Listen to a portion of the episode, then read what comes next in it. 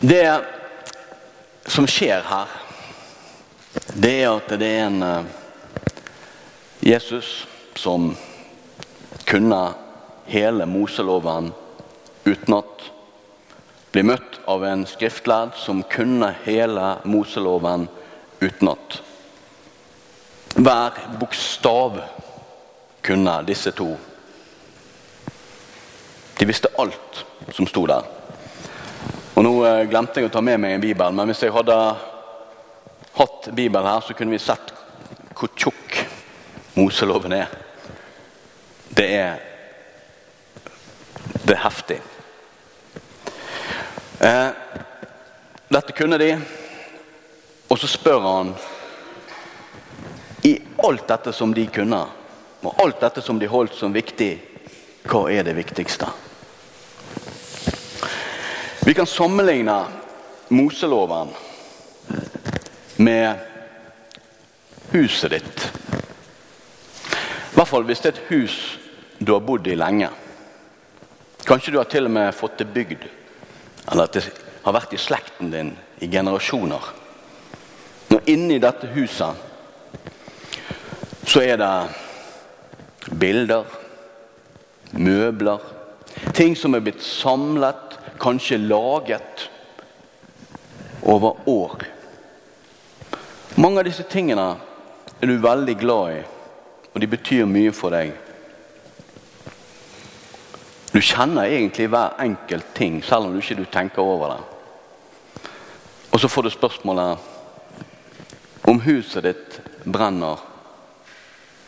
Hvis du skal ta med deg én ting, hva skal det være? Da blir det plutselig et spørsmål om hva Om alt annet faller.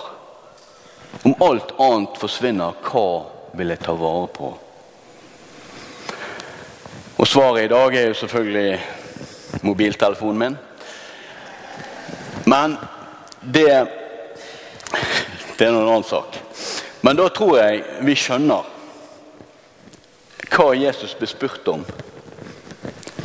For hans folks historie, Israels folkets historie, var formet gjennom Mose, det som står i Mosebøkene. Og det var utrolig viktig for dem, alt som sto der.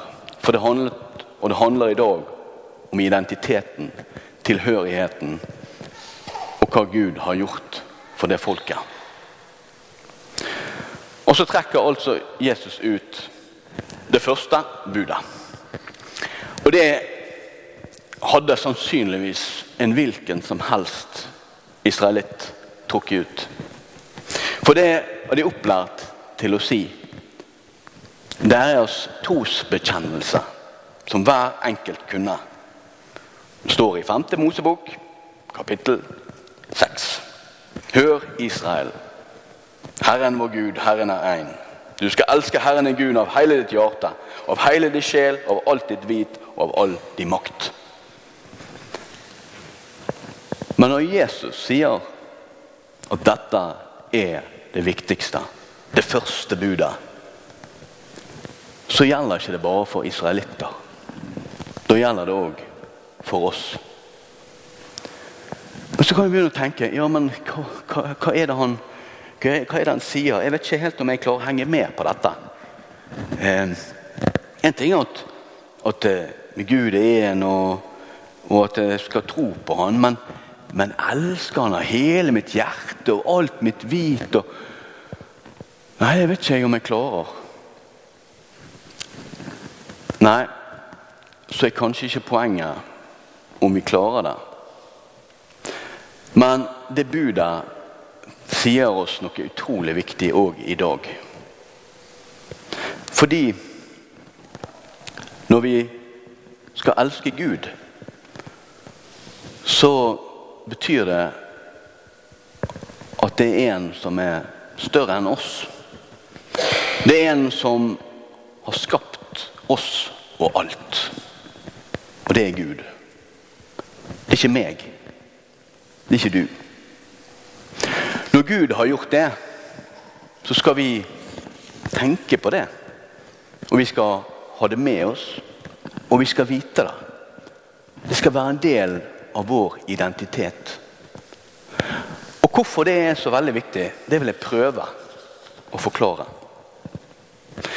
Jeg blir Noen ganger får jeg sånn eh, venneforespørsel av tidligere konfirmanter. Venneforespørsel på Facebook.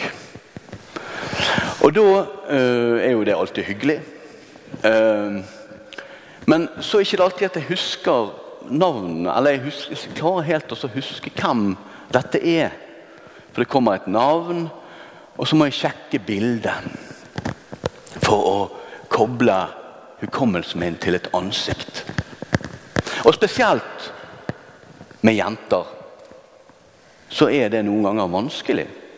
For jeg ser bildet, og så kjenner jeg ikke igjen jenten. Hmm, hun der vet jo ikke jeg hvem er. Men hun har fått masse likes på det bildet, så det er mange som liker det bildet. Men jeg aner ikke hvem det er. Så jeg er nødt til å gå inn litt nærmere. Og da finner jeg gjerne et i, albumet finner jeg gjerne et familiebilde. Og da ser jeg hvem det er. For da ser hun ut sånn som hun egentlig gjør. Poenget mitt er det at det, det er så mange som de legger ut et bilde av seg sjøl som ikke er lik sånn som de er. Kanskje med veldig mye sminke. Eller for en side som ikke, der de liker seg sjøl best, eller et lys som gir et annet inntrykk. Men når de er helt vanlige, da kjenner jeg det igjen. Og jeg tror det at veldig mange sliter med sitt eget selvbilde. Og da tenker jeg at det er så utrolig viktig vi har i vår ryggmarg, inni vårt hjerte, at jeg er ikke et postkort. Jeg er ikke en modell. Jeg er ikke en ting som skal likes. Jeg er elsket. Jeg er skapt unik sånn som jeg er. Gud har formet meg. Gud har ikke bare formet meg én gang. Gud har òg en tanke for mitt liv. Han vil at jeg skal nå en plass. Han vil at jeg skal bruke meg sjøl til det beste for andre. Og Da kommer vi inn på det andre budet, som er like stort. Du skal elske nesten din som deg sjøl. Jeg får lov til å treffe mange mennesker i Ålesund fengsel. Mange mennesker som ikke elsker seg sjøl. Og det er fordi livene er ødelagt. Kanskje de har ødelagt for mange andre, men de har først og fremst ødelagt for seg sjøl. Og det jeg tror disse menneskene trenger, det at de klarer å tilgi seg sjøl. Å elske seg sjøl er å kunne tilgi seg sjøl. Det å kunne se på seg sjøl, ikke med sminke, ikke med filter, men sånn som vi er. Og tenke at ok, dette er ikke perfekt, men dette er elsket av Gud. Om din tilværelse brenner, om alt rundt deg raser, og Jesus får spørsmålet hva ville han redde ut av huset til Lunde? Så er ikke det tingene mine, det er ikke prestasjonene mine. Han er villig til å ofre sitt liv for å redde ut meg. Og han er villig til å ofre sitt liv for å redde ut deg. Og han har gjort det. Og det er ikke noe vi kan gjøre eller prestere for at han skal elske oss mer. Men vi skal øve oss. Øve oss i å tenke. Og vi skal dele med andre. Og så den tanken at Gud elsker deg. Så skal du elske deg sjøl. Og du skal elske din Gud. Og du skal hjelpe din neste. Kanskje visste de om dette her, disse to karene som pratet sammen. Men så sier Jesus én ting til slutt. Denne mannen han svarte alt rett. Så sier Jesus, du er ikke langt borte fra Guds rike. Og så sang vi i sangen Ingen er himmelen så nær som barnet du tar i din favn. Vi kan ikke med egen makt nå til himmelriket. Bare ved troen på Jesus kan vi nå til himmelens land. Det avhenger ikke av oss, men av Guds nåde.